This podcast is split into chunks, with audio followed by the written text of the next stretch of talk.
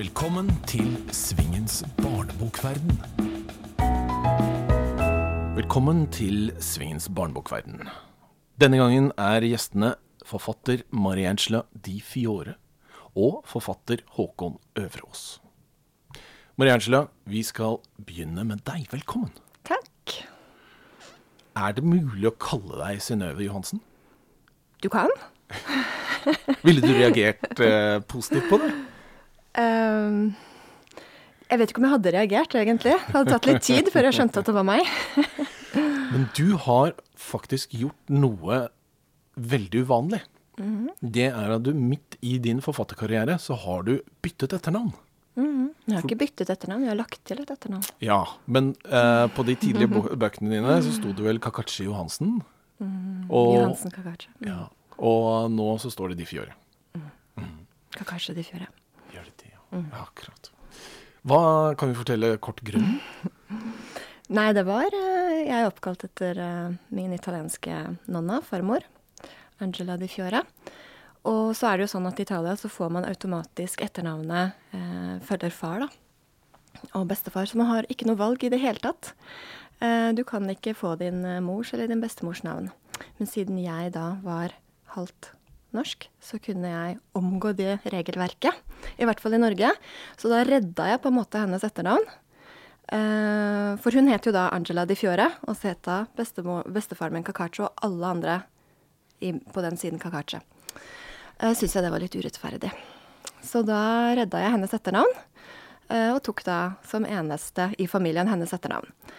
Um, det eneste problemet er at det er ikke anerkjent i Italia, da. Så jeg har jo da to pass med to forskjellige navn. det burde jeg kanskje ikke si her. Men du er jo da altså halvt norsk, halvt italiensk, og det har blitt en viktig eh, del av ditt forfatterskap. Ja, det har det. For det, um, det skal vi nemlig eh, prate litt mer om, men du har jo også drevet med litt forskjellige ting. Du har hatt en sangkarriere, du har studert screenwriting, du har utgitt kokebøker. Og så er det altså bøker for barn og ungdom. Det er fem ungdomsromaner og tre barnebøker. Og hvis vi begynner med ungdomsbøker, hvorfor ble det ungdomsbøker for din del? Det var vel fordi jeg var ungdom da jeg begynte å skrive, egentlig. Så, eller egentlig første gang jeg sendte inn noe til forlag, så var jeg åtte år gammel. Så jeg sendte inn en diktsamling som jeg hadde jobbet med. Som jeg satt og skrev eh, Jeg spilte piano i veldig veldig mange år. Moren min er pianolærer. Så jeg bodde kan du si, på musikkskolen, og mellom da eh, mine egne spilletimer og at jeg satt og venta på at hun skulle bli ferdig så vi kunne dra hjem, så satt jeg og skrev dikt. Og så eh, hadde jeg da lært meg å skrive. Så jeg skrev dem pent ned på ark, og så sendte dem da til eh, Aschehoug forlag. Og fikk kjempehyggelige svar tilbake om at de, hadde, de syntes diktene var nydelige, og så lurte de veldig på eh, Hadde sittet og tenkt masse i møter om det var noen måte de kunne bruke de diktene på. Men kommet fram til at der, de hadde ikke akkurat eh, muligheten til å gi de ut nå, men at de gjerne ville oppfordret meg til å skrive mer. Så da fortsatte jeg med det. Så jeg skrev masse for meg selv opp gjennom eh, eh, barndommen og ungdomsårene. Og så når jeg var eh, jeg tror jeg var 15 eller 16 år, eh, så sendte jeg en eh, Jeg var på biblioteket. Det var rett før jeg skulle flytte til utlandet. Så det siste jeg husker jeg gjorde før jeg satte meg på flyet, nærmest, var å sende fra flyplassen en novelle jeg hadde skrevet da, til en novellekonkurranse som jeg hadde sett utlyst på biblioteket. Den var i regi av Gyldendal. Og så flytta jeg til utlandet. Da var jeg ja, 16 år. Og så glemte jeg egentlig alt sammen. Inntil det plutselig hadde de klart å spore meg opp, da. Ehm, med et brev om at dere, jeg hadde fått da antatt denne novellen, eller vunnet denne novellekonkurransen, og skulle da bli utgitt i en antologi. Og så fortsatte jeg egentlig bare å skrive derfra. Eh, så jeg sendte da inn min første roman eh, som jeg begynte å skrive da jeg var ja, kanskje 16-17 år, og så jobbet litt med den og sendte den inn. Det var i begynnelsen av 20-årene, og da var det vel egentlig naturlig for meg å skrive for ungdom. Eller for eh, det de da kalte unge voksne. Eh, som var eh, ja, et sjikte de prøvde å få litt stort i Norge, da. Eh, med varierende hell, vil jeg si. Ja, for da debuterte du altså i 2005 med Eh, ja. 'Hør Napoli sang', som Ja. er den første enkeltstående boka di. Det gjorde jeg. Og den eh, Da bodde jeg jo også i Napoli. Så jeg skrev jo den Det er ikke en selvbiografi, som jeg har fått veldig mye spørsmål om. Men jeg var jo selvfølgelig inspirert av min egen historie, da, som tokulturell. Um, og alt det medfører, da, på godt og vondt. Så um, jeg hadde jo hentet en del inspirasjon derfra, og var veldig inspirert av omgivelsene mine, da. Og um, ja, så det ble min første roman. Og så fulgte jeg på videre, da, med flere ungdomsromaner. Men blir det riktig å si at du alltid på en måte har visst at du skulle skrive? Ja, Og ikke nødvendigvis hva du skulle skrive, men at du skulle skrive? Ja. Mm. Så det var um, definitivt uh, skrivingen som uh, har ligget uh, hjertet mitt nærmest. Um, og musikk. Spiller piano, egentlig. Spilte jo klassisk piano, og gjør det egentlig fortsatt. Men jeg følte skrivingen var et sånt um, eget rom som bare var mitt. For som sagt, jeg spilte jo klassisk piano, men hadde jo en mor som var pianolærer. Så hun kunne blande seg veldig mye opp i det, og jeg fikk alltid Men sånn var det jo ikke med skrivingen. Der kunne jeg synke inn i min egen verden og være i fred. Og ingen som kunne eh, ja, blande seg inn i det, da. Sånn er det jo ikke nå lenger, da, nå som jeg lever av det, og må høre på hva redaktører sier. Men det var veldig fin, eh, et veldig fint sted å være gjennom eh, barndommen og ungdommen, og, og fortsatt, egentlig. Selv om du har skrevet mest eh, ungdomsromaner eh, for mm. barn og ungdom, så har du likevel et ganske langt opphold. For i fjor så kom jo da eh, Il Biondo.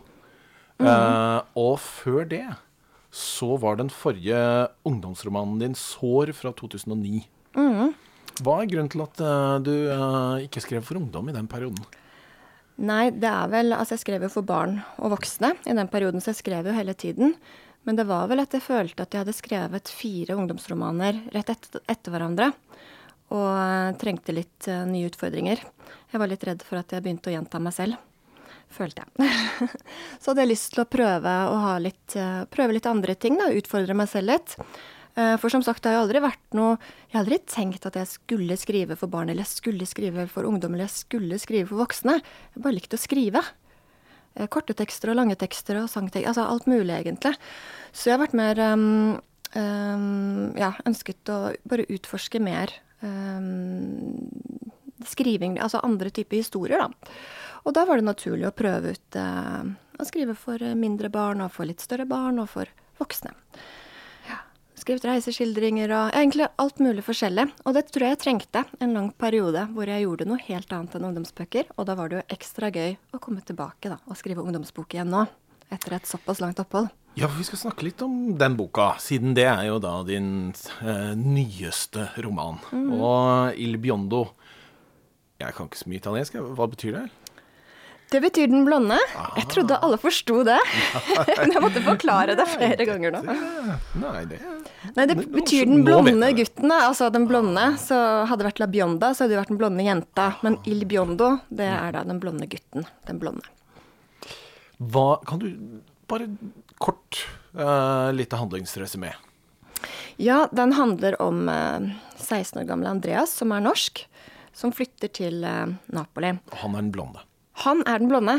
Han er uh, veldig blond norsk gutt. Som har hatt, hatt, et tøft år i Norge. Moren hans har vært syk og dødd, og han er egentlig ja, litt lei det meste. Så um, bor han alene med faren hans, som er da en veldig engasjert um, arkeolog som skal til Italia og driver litt utgravninger. Og så blir han med. Um, med et løft. Han har droppet ut av skolen hjemme, da. Så løft, liksom Premisset er at han skal studere italiensk i Italia og gå på språkkurs. Og prøve å komme seg tilbake litt til en slags hverdag, da, etter å ha eh, vært i et litt sånn svart hull hjemme i Norge en stund. Um, og det Han faller jo egentlig ganske pladask for Napoli, som man jo gjerne gjør når man kommer dit. Og det er veldig annerledes enn Norge. Og han um, begynner da på dette italienskkurset. Um, det er egentlig litt motvillig. Det må jeg jo si. Men han uh, treffer jo en jente etter hvert, som han uh, treffer på gata. Sånn som han veldig ofte også gjør i Napoli, for det er en by hvor livet leves på gata. Eh, og forelsker seg veldig i henne. Og da får han inspirasjon til å lære seg italiensk for å kunne kommunisere med henne. Og han får venner, og han blir jo da forelska og får egentlig um, et veldig godt liv, føler han selv, inntil han da treffer hennes familie og etter hvert da blir dratt inn i litt mer sånne lyssky virksomheter, som han da på sitt naive vis Det tar en liten stund før han skjønner hva han egentlig blir dratt inn i. Og da er jo spørsmålet hvor langt han lar det her gå, da. For han skjønner etter hvert at han kan jo ikke både være sammen med henne og ikke gjøre som familien hennes sier. Eh, og de vet jo å utnytte det at han er blond, så det er derfor boka heter Det blir hans kallenavn, da. Eh, og når jeg mener da lysende sier lyssky virksomheter, så er det jo da selvfølgelig eh, Camorra, den napolitanske mafiaen, som det er involvert i. Så da bruker de han eh, til eh, diverse tjenester, da. Blant annet til å levere narkotika til, som de tjener mye penger på, da, til den amerikanske Nato-basen. For siden han er høy og blond, så vekker jo det mindre oppsikt om han kjører da inn der, enn om de fra disse kvartalene gjør det selv. Så han blir etter hvert liksom dratt mer og mer inn i en verden som han skjønner eh, gradvis at han ikke kommer seg ut av. I hvert fall ikke i live nødvendigvis, da. Han må gjøre noen grep. Men når man leser bøkene dine, så mm. får man jo et inntrykk av at veldig mange i Napoli er involvert i Camorraen. Mm. Er det sånn? Ja, på den ene eller andre måten så er man jo det. Om man vil eller ikke. Um, og du kan si Il Biondo. Jeg har jo i mange, mange år studert Camorra på nært hold. Da. Og jeg ga jo også ut uh, en voksen dokumentar, en dokumentarbok for voksne om det her. Og det er jo på en måte litt Jeg hadde lyst til å skrive en skjønnlitterær fremstilling av dette universet da, for ungdom, fordi jeg opplever at mange syns det er så spennende, men at man ikke helt skjønner hvor uh, Det virker som det er en sånn veldig mørk uh, altså et univers som er veldig, sånn, det er veldig fremmed, og du klarer ikke helt å se hvor infiltrert det er i hverdagen. Det er egentlig ganske hverdagslig, også når du er der. Du skjønner ikke helt. Og det kan jo trekke mange paralleller til i mitt eget liv også. Som når jeg var barn og var i Napoli. og F.eks. i mitt eh, Eller alle nabolag har en boss, da. Og det bare forholdt jo jeg meg til. Altså, men jeg tenkte jo ikke på han som en, nødvendigvis en slem mann. eller. Det var bare en autoritær skikkelse, da. Som var kjempehyggelig når jeg møtte han på gata hvis jeg var ute sammen med bestemoren min eller tanter og, og skulle spise en is, og så kom han bort og klappa på hodet og hilste. Men du merka jo at det var noe hele At alle Eh, oppførte seg litt annerledes mot ham, da. At man hadde en respekt. Så det var jo ikke før jeg ble eldre at jeg skjønte hva det var egentlig han var, og hvem han sto for, da. Um, og begynte å undersøke det, da. Så sånn har egentlig min vei inn i dette mafiaverdenen mafiaverden vært, da. Eller at jeg lærte mer og mer um, etter hvert som jeg begynte å forstå at jeg selv på en måte forholdt meg til det uten å selv vite det. Men er noen av ungdomsbøkene dine oversatt til italiensk? Uh, nei. Har, nei, faktisk ikke. Kommer det italienske ungdomsbøker ut som omhandler uh, Camorraen eller mafiaen i det hele tatt? Eller er dette litt vanskelig tema å skrive om i Italia? Uh, det er definitivt et vanskelig tema å skrive om i Italia. Mm. Det er det. Um, og jeg vet at um, det har vært noen forlag som har kikket. Jeg ga jo ut en, ut en ungdomsbok i 2011 om um, Det var altså en dokumentarbok hvor jeg tok for meg en jente som var 14 år gammel, og fortalte hennes historie. Hun ble skutt og drept der på gata i Napoli av den lokale mafiaen. Etter hennes død så fant faren hennes dagboka hennes, eh, som hun hadde gjemt, og som var på nærmest en sånn Altså det var jo en skildring av en ung jentes oppvekst i et mafiamiljø. Og det er jo et av de mest uh, belasta områdene i Napoli, da, der hvor hun vokste opp. Um, og det jo, var jo på en måte ingen som hadde um, lest noe lignende, da. For dette, jo, dette, snakker man jo ikke om. Mens hun da hadde jo gjemt denne dagboken så godt. Og jeg kjente, ble jo godt kjent med hennes familie og fikk låne dagboken hennes. Og oversatte den og ga ut den til, um, uh, til norsk, da, og fortalte hennes historie. Um, og det er jo klart um, Man skulle jo tro at det kunne blitt en um, en bok der nede også, da. Eller en, en, at det kunne vært en interessant skildring for mange eh, der nede å lese. Men jeg oppfatta at det var mer eh, interesse for det i Norge enn der. for jeg tenker jo på mange måter du egentlig er veldig heldig som har da dette ene benet i uh, Italia, og kan mm. beskrive eh, troverdig dette miljøet. Fordi mm. vi må vel kanskje si at mafiaen som en samfunnsstruktur, den mangler vi i Norge. Her må ja, vi finne andre spenningsmomenter og andre skumle personer for å gjøre bøkene interessante. Ja, og det Jeg trenger ikke se så veldig langt sånn sett, altså. Det, det er veldig mye å ta av. Um, og det er jo også veldig um, Napoli er jo en by jeg er veldig glad i, da. På, som også byr på veldig mye mer enn mafiaen. Men man har jo dette litt sånne mystiske sløret over seg, da. Som er spennende å, å skrive om og grave litt i. Og, og også eh, avkrefte noen myter, da. Og bekrefte noen myter om mafiaen. Apropos myter, er det sant at Napoli er lommetyvenes hjemby? Aldri, det, er, det skal være det, men jeg har aldri blitt frastjålet noe som helst i Napoli noensinne, og jeg har ikke vært forsiktig, altså. Jeg hadde en uh, mann med hånda si nedi bukselomma mi jeg, på, ja. på trikken.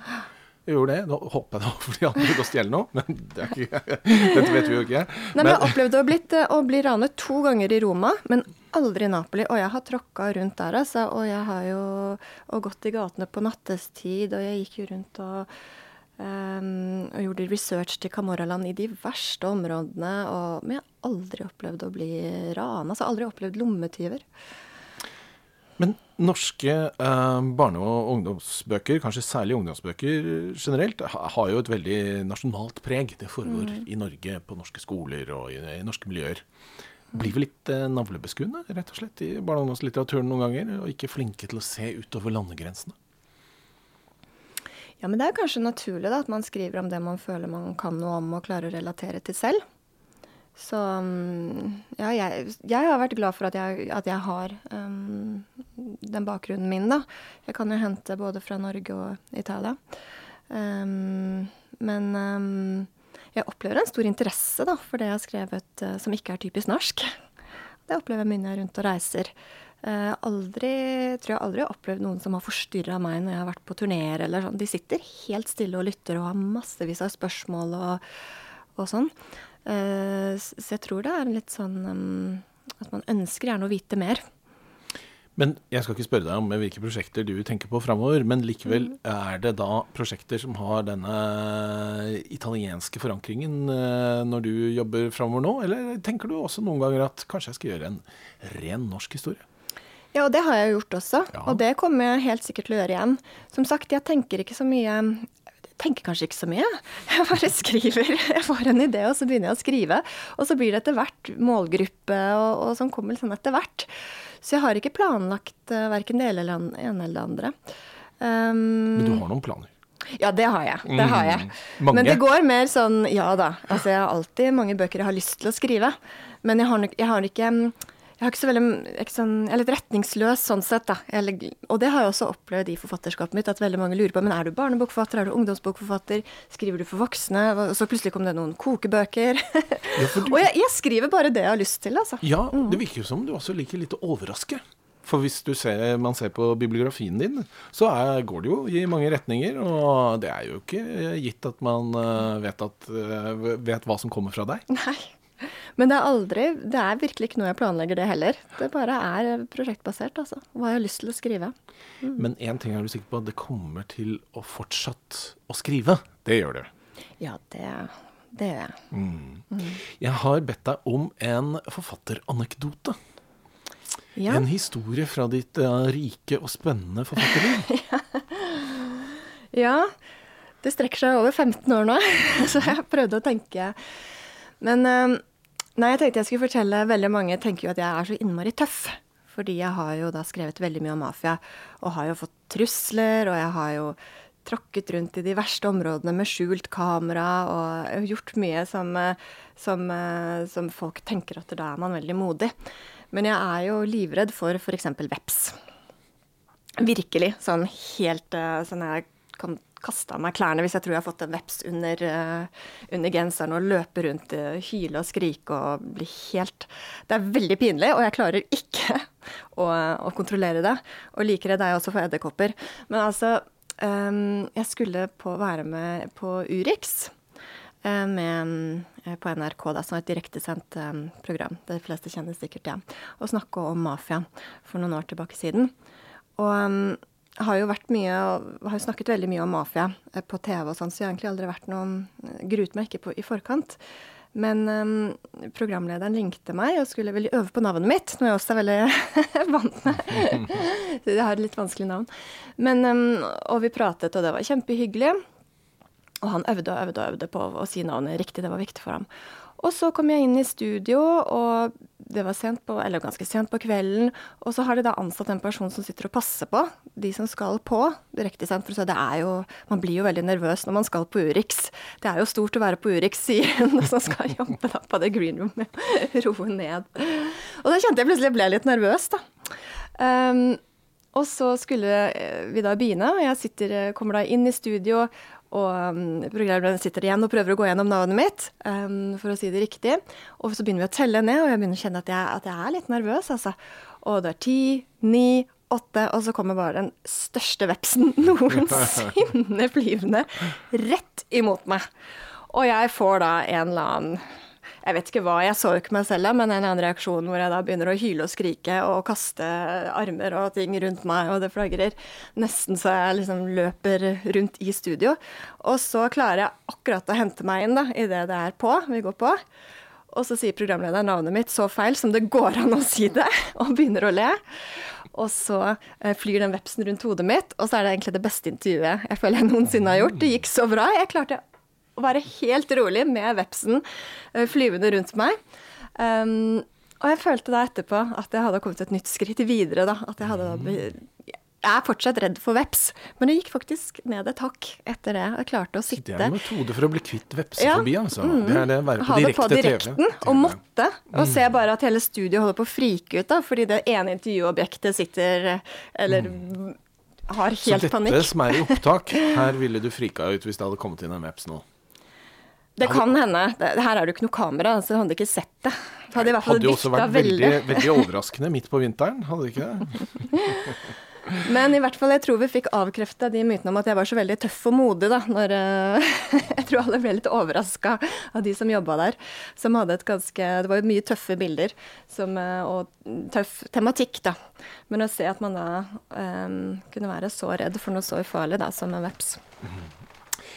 Da har vi fått inn eh, Håkon Øverås. Dag. Velkommen. Tusen takk. Nå når dere er her begge to, så har jeg en ting som jeg har uh, lyst til å spørre dere begge om. Er det noe dere må gjøre, eller må ha, når dere skriver? Må ha? Uh, ja, altså det kan jo være alt fra kaffe til en eller annen uh, stressball eller uh. Jeg må ha et piano. Du må ha et piano ja. nærheten? Mm, jeg, jeg løper. Det er en arbeidsdag for meg. Da løper jeg mellom piano og, og Mac-en. Som en måte å koble av på, ja. eller? Mm. Slappe av på. Mm. Så det, jeg har den alternere mellom de to hele tiden. Så jeg sitter og spiller litt Chopin, og så setter jeg meg og skriver, og så fram og tilbake, fram og tilbake. Mm. ja, jeg uh, har uh, Nei, det nærmeste jeg kommer, er kaffe, men uh, det er litt kjedelig. Det er ikke piano, godt, liksom. Men har du noen helt spesielle rutiner som, uh, som, er litt typisk for deg, tror du? For folk jobber jo på veldig forskjellige måter. Det gjør de. Og det er alltid spennende å høre hvordan andre jobber. For selv om det virker helt naturlig for en selv, så er det ofte helt annerledes enn det andre gjør. Ja, altså, jeg, jeg, har vært veldig sånn uh, Hvis jeg skal skrive for hånd, så måtte jeg ha en sånn svart notisbok og sånn, sånn jåleri. Og så plutselig så skjønte jeg I helvete, det er lov å banne her? Nei, uh, så tenkte jeg at hva, jeg må, dette er bare tull. Så nå har jeg begynt på å skrive på alt mulig rart. da. Sånn, det, det finnes ingen grenser for hva jeg kan velge å begynne å skrive på. Og det, Men, jeg, egentlig jeg hørte et intervju med Gro Dale. Hun sa nei, jeg skriver på hva som helst. Så tenkte jeg Hvorfor, hvorfor, gjør ikke jeg det? Hvorfor kan jeg ikke bare skrive på hva som helst? Hvorfor lager meg sånne jåletanker? Men eh, klarer du da også å ta vare på det i hva som helst som du skriver på, sånn at du får, eh, får, det med deg videre? Ja, det er liksom metodikk. da Jeg prøver liksom å få da det skrevet inn på en datamaskin så fort som mulig, mens det fortsatt er i minnet, da. Men det er en måte å få husket det på, rett og slett at du skriver det ned så fort? Nei, ikke nødvendigvis. Bare for å skrive. Uh, jeg har ikke noe sånn veldig Jeg kan ikke leve av å skrive, så jeg må gjøre andre ting. Og da blir det litt sånn rykk og napp-skriving. Eh, så da må jeg ta det på spark ofte. Jeg har lyst til å stille et annet eh, spørsmål som jeg eh, faktisk tror jeg aldri har stilt i denne podkasten. Når er en bok ferdig? Mange elever som vi møter rundt på skoler og sånn, tror jo at boka er ferdig når du setter det siste punktum. Men eh, når jeg setter mitt siste punktum, så er det ingen som får lov å se det som står før der, før jeg har eh, gått gjennom det mange ganger. Og når har man gått gjennom det nok ganger? Ja, for min del så har det vel vært at uh, Jeg vet det, det, det Jeg pleier å lese gjennom en gang, en siste gang, liksom. Etter at uh, alt på en måte er ferdig. Og da leser jeg det akkurat som om Jeg klarer å lese det utenfra, for da har jeg på en måte slipp, gitt slipp på hele stoffet. Så jeg tenker at da Men det er før den blir trykt, og Men da er det på en måte Da er den jo antageligvis i produksjon og Så da er det for sent å få gjort noe med det. Ja. Mm. Har du oppdaget ting der som du gjerne skulle gjort noe med? Det kan, jeg kommer ikke på noen gode ting. Men jeg, jeg, merkelig nok så, så får jeg sånn derre flash av hvordan denne boka kommer til, liksom, kommer til å gå med boka. Liksom. Hvordan den her, ja, sånn er den boka, tenker jeg. Og det er liksom som helt objektivt, nesten, som bare slår inn. For jeg tenker jo ofte at hver eneste setning kan du alltid skrive bedre. Og noen ganger når jeg ser da den ferdige boka, så er det første jeg ser, er selvfølgelig en setning som jeg kunne ønske jeg hadde skrevet på en annen måte. Og det er derfor jeg aldri leser mine egne bøker. Men noen ganger må du lese høyt fra det. ja. Mm. Og da, da har jeg det på samme måte. Da tenker jeg å nei, hvorfor gjorde jeg ikke sånn? Eller ikke sånn. Jeg skulle skrevet annerledes. Ja, det er visse partier jeg ikke leser høyt. Så det er det. Så jeg orker ikke. Hva er den beste tilbakemeldingen dere noen gang har fått på en bok? Mm, nå ser de på hverandre, tankefulle. Ja. Hva skal vi si? For man får jo eh, en kombinasjon av tilbakemeldinger på barne- og ungdomsbøker. Du får selvfølgelig eh, tilbakemeldinger fra ungene. Du får eh, tilbakemeldinger fra voksne lesere. Og du får eh, anmeldelser, i hvert fall noen ganger. Jeg syns jo de beste tilbakemeldingene er fra målgruppen, da. Eh, Når det kommer til barne- og ungdomsbøker, så er det jo det de sier etterpå, etter å ha lest boka. Det er jo litt sånn filterløse, da. Det er veldig fint, syns jeg. Ja, det er noe spesielt med, med sånn personlig At én person kommer og sier at den, den boka var veldig fin. Den likte jeg godt. Da betyr det mye mer. Det betyr mye mer enn en uh, anmeldelse. Å få en sånn tilbakemelding. For da føler jeg liksom at jeg har bidratt med et eller annet som, som jeg ikke visste. at jeg gjorde, Eller som jeg håper, da. Selvfølgelig. Så opplevde å få noen brev. Det er veldig hyggelig, da. Ja. I disse digitale tider. Noen som tar seg tid og setter seg ned og skriver et ordentlig brev. Hva med den eh, verste tilbakemeldingen?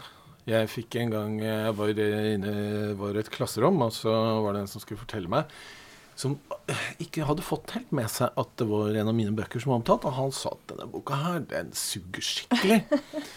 Så sa jeg ja, ja, ja, hun gjør kanskje det. Men det er jeg som har skrevet den. Og da ble han litt satt ut. Det så jeg på han. For liksom sånn, så, så, så, så virket det som han tenkte veldig lenge. Og så hadde jeg en følelse av at nå skulle han moderere seg. Men så sa han på meg Nei, vet du hva, den suger for det.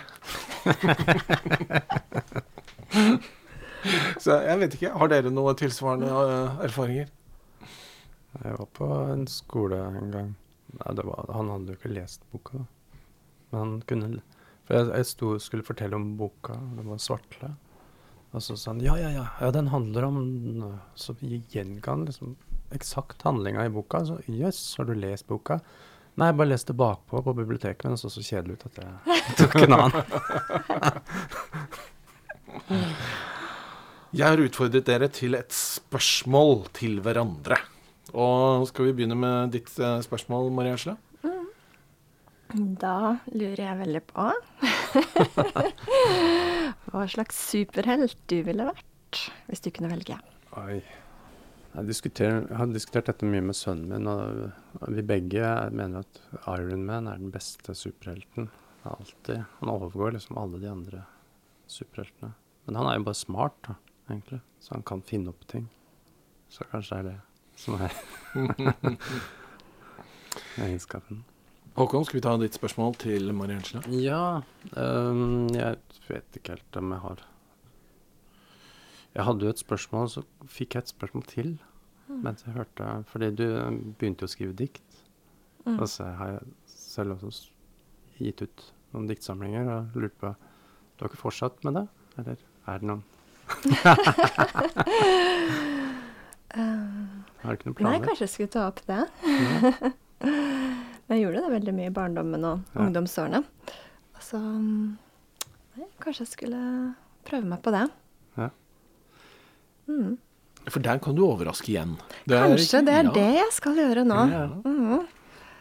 det kan det. Ja, takk for tipset. Men det er egentlig spørsmålet mitt, da. Mhm. Det var um, Det var egentlig bare en måte å prøve å få tips på sjøl. Mm. Fordi jeg blir alltid så imponert av folk som gjør research Ja, ja. og, og skriver ut fra det. Mm. Fordi de gangene jeg liksom prøver på det, og liksom finner ut mye ting, så sitter jeg med masse stoff. Ikke at jeg har gjort det så mye, men jeg sitter med mye informasjon. Og så aner jeg aldri Hva gjør jeg nå, da? Jeg, jeg vet ikke hva jeg skal gjøre for noe med stoffet. Så jeg liksom lurer på hvordan Hva gjør du, rett og slett? Hvordan uh... Mm. Jeg vet egentlig ikke helt om det er én måte å gjøre det på. Men um, jeg syns jo det er veldig spennende også å høre menneskers historier.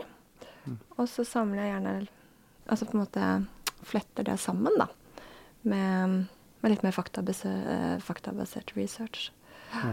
Men eh, jeg har nok gjort veldig mye oppsøkende research, da. Og det syns jeg er gøy å skildre og skrive om det. Ja. Og så drar jeg inn litt mer sånn tørrere fakta. Jeg vet ikke om det er noe svar, jeg. Ja, ja, ja. Så du tar litt tak i historiene du hører? Bruker For selv om jeg skriver, eh, har gjort eh, eh, dokumentar og sakprosa, så føler jeg veldig mye av det er uh, basert på historier da, som mennesker forteller meg. Ja. Og så bruker jeg ofte det som utgangspunkt, da. Ja. Så det er kanskje den veien jeg har uh, gått når jeg har skrevet. Det er ofte to forskjellige måter å gjøre det på. Altså Det du gjør, er vel å gjøre veldig mye research før du går i gang med selve skrivingen av prosjektet ditt. Stemmer det? Um, Og så er det en del andre som på en måte skriver nesten boka, og så antar man noe underveis over hva man trenger av fakta, og så gjør man sånn spesifikk eh, faktasjekking akkurat på det man trenger. Nei, det er nok mer på det første, da. Jeg leser er veldig. Jeg er jo veldig nysgjerrig, så det har jo vært min drivkraft hele tiden eh, i forhold til researcharbeid. Og det er derfor jeg skriver jo alltid ting jeg har lyst til å skrive. Fordi da kommer liksom alt dette her av seg selv. Da sitter jeg ikke og tenker så mye over hvordan jeg skal gjøre ting. Det bare skjer naturlig av egen nysgjerrighet. Så jeg blir dratt inn i, dratt inn i det den veien, da. Og leser masse om det, og treffer mennesker, og syns det er veldig mm, givende for egen del, da. Og så vet jeg ikke, så lapper jeg det på et eller annet vis sammen til noe lesbart. Men Angela, nå skal vi si tusen takk til deg. Så kan du få lov å sette deg i den blå stolen. Tusen takk for at jeg fikk komme. Så skal vi konsentrere oss mer om deg, Håkon.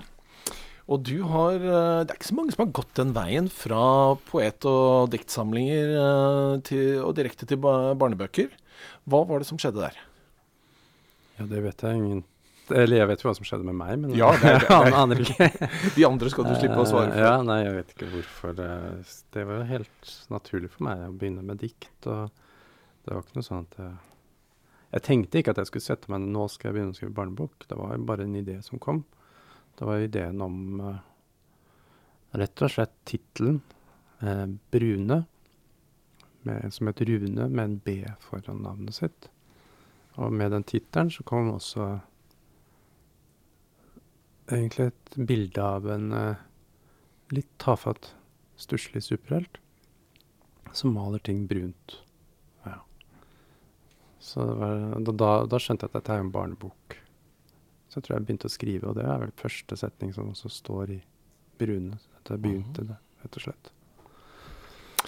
For dette ble jo da en trilogi. altså Brune kom i 2013, Svartle i 2015, og nå i 2018 kom da Blåse. Ja. Og øh, var det en plan hele tiden at det skulle være en trilogi? Nei, det var, var ikke det. Det var f- Det var uh, Når jeg begynte å jobbe med Øyvind Thorsæter, illustratøren, underveis Så første gang jeg møtte han, så så jeg tegningene av uh, disse barna. Og når jeg så tegningen av uh, Atle, som er Svartle, så skjønte jeg at han, han har en eller annen historie. Fordi disse illustrasjonene til Øyvind er Det er liksom karakterer som du, som du begynner å lure på hele tida. Og begynner å lure på historien bak, bak disse karakterene. Så da skjønte jeg at jeg må skrive en om Svartle. Og da må jeg jo skrive en om Blåse òg. Ellers blir det urettferdig. Mm. Ja. Men visste du også hele tiden at dette måtte illustreres? For jeg tenker De bøkene er jo en slags som De kunne kanskje kommet ut uten illustrasjoner òg, eller? Tenker du? Ja, Det hadde de, vært mulig. de kunne jo Nå er jo selvfølgelig en stor merverdi i illustrasjonene, men uh, Jeg vet ikke helt hvorfor det ble sånn. Nei. Jeg så alltid for meg illustrasjoner. Mm. Jeg gjorde jo det. Uh, jeg vet ikke. Jeg tror vi diskuterte litt hvor, hvor uh, gjennomillustrert det skulle være. mm. Så jeg, jeg husker ikke hvorfor vi endte opp med at det ble Det er jo nesten 50% Jeg har sett eh, skrivestilen eller bøkene da blitt beskrevet som uh, nostalgisk og en lun og rolig tone. Hvordan vil du selv beskrive stilen i bøkene? Jeg er litt opptatt av at det skal være litt nedpå når jeg skriver. At det skal være litt slentrende. Akkurat humoren jeg vet, Jeg veit jo aldri når jeg er morsom. Hvis jeg er morsom jeg liksom, Det kommer liksom Jeg skjønner det etterpå når jeg leser. Eller at andre Jeg hører sitter, at andre ler. Ja. Du sitter ikke og ler av deg selv underveis? Du sitter ikke Jo, og, jo, jo, jeg ler, ler av meg sjøl òg, men da, da må jeg ofte stryke det. det er ofte ting som ikke er så morsomt. Så hvis jeg prøver å være morsom, så er, blir det veldig dårlig. Ja, for humoren er det jo mange som drar fram eh, når det gjelder de bøkene. Ja. Så, så du, du mener egentlig å si at du har ikke vært så bevisst på at det skal Nei. være humor i dem? Nei, det er, det er mer en sånn en holdning, da, tror jeg, liksom følger med den type slentrende stilen å skrive på. Så det kommer liksom humor. Pluss at karakteren, eksempel Atle, da, er jo en sånn karakter som er veldig takknemlig figur å ha med i bøkene. For kommer hele tiden med bomber som sier de mest utrolige ting. Og da, da blir det veldig artig. Som ja, han overrasker meg hele tida som karakter. Når du skriver tre sånne bøker, og, og for så vidt ikke har planlagt en trilogi, er det sånn at uh, de blir på en måte lettere å skrive etter hvert, fordi du blir så veldig godt kjent med karakterene? Eller er det nesten motsatt? Ja, Det er vel motsatt. Eh, Brune kom av seg sjøl. Den skrev jeg nesten bare ned. Um, historien var der med en gang, mens de andre var på en måte da, ja, Så fulgte jeg opp med Svartle, og da, da var det mer å følge Finne ut av denne karakteren. Og det syns jeg var litt vanskelig igjen, fordi han han ljuger jo veldig mye, og det var veldig vanskelig å ha en hovedperson som ljuger så mye, følte jeg. Så jeg løste det med å, med å introdusere ei jente som jugde enda mer. Sånn at jeg fikk balansert lite grann. uh, mm. det, det. Så nei, jeg, jeg, jeg har, har vel jobba og tenkt mer med de to andre bøkene. Nå har disse bøkene fått en fantastisk mottagelse. Hvor, på hvilket tidspunkt skjønte du at du hadde fått til noe helt spesielt? Var det liksom når du satt og skrev den første boka, eller eh, ble du også litt overrasket over hvor uh, uh, hva slags mottagelsen faktisk fikk da den kom ut? Ja, det er ikke noe tvil om at jeg var overraska over mottakelsen. Jeg, jeg så når jeg leste, som vi snakka om etterpå Nei, som vi snakka om i stad, at uh, jeg, jeg kan liksom se boka i et annet lys når jeg leser den når den er ferdig. Og da så jeg at dette er en Denne her kommer til å gå bra med, denne boka. Men jeg hadde jo ikke forestilt meg noe i den grad av det som skjedde med boka. Det var helt umulig. Slå meg at eh, Jeg vet ikke om du har tenkt noe, reflektert noe over det, men dette er en type bøker som eh, kan komme fra de nordiske land, men ikke er så typiske for eh, resten av verden. Har du reflektert noe rundt det? Det kan jo hende. Én ting er jo, er jo det, det som Jeg kommer jo fra en lite, liten bygd i Norge, og, og Øyvind Thorsæter også. Han kjente jo igjen det universet, siden han også kommer fra en sånn ganske liten bygd. Og, og det var akkurat som det, dem- de, Vi møttes litt i det, i det å komme fra et sånt sted som liksom farger bøkene. Så jeg tror jo det er unikt, men det slår jo liksom an likevel at det liksom Det blir gjenkjent overalt det kommer, så jeg vet ikke. Hva er en god barnebok for deg? En god barnebok er Det er en som voksne også kan lese. Den, det er litt viktig, syns jeg. Um, at det nesten ikke er noe skille. At uh, Nå er det jo sånn at når jeg leser høyt fra Brune, f.eks., så når jeg leser for barn, så ler de på noen steder. Så voksne ler på andre steder. Så det er jo en sånn dobbelthet. Men, men er, jeg syns det er viktig at det er uh, at, det er, at bøkene i sum da er noe som kan glede både voksne og barn. Men nå har jo dette blitt en trilogi. Er du fristet til å fortsette livet sammen med disse tre? Jeg har jo, jeg har jo lagt opp til, til det i slutten av Blåset. Da jeg introduserer da denne karakteren Gullrikke. ja. Uh, men altså, det er um, Det er litt sånn Hollywood uh, sånn På slutten av en skrekkfilm så ser, ser du liksom at det var ikke over likevel. Det kan komme en oppfølger. Men jeg jeg, jeg tenkte at jeg skulle legge det litt på is. For liksom tenke at nå skal bare ideen komme først, før jeg skriver. Så, så jeg har liksom lagt det liksom fra meg. Men man skal jo bare legge det fra seg, så kommer jo ideene med en gang. Uh, så jeg har, har noen planer om å, om å fortsette. Ja. Vet ikke akkurat når den kommer, da. Men holder du på med andre ting i mellomtiden, eller er dette i så fall den du venter på?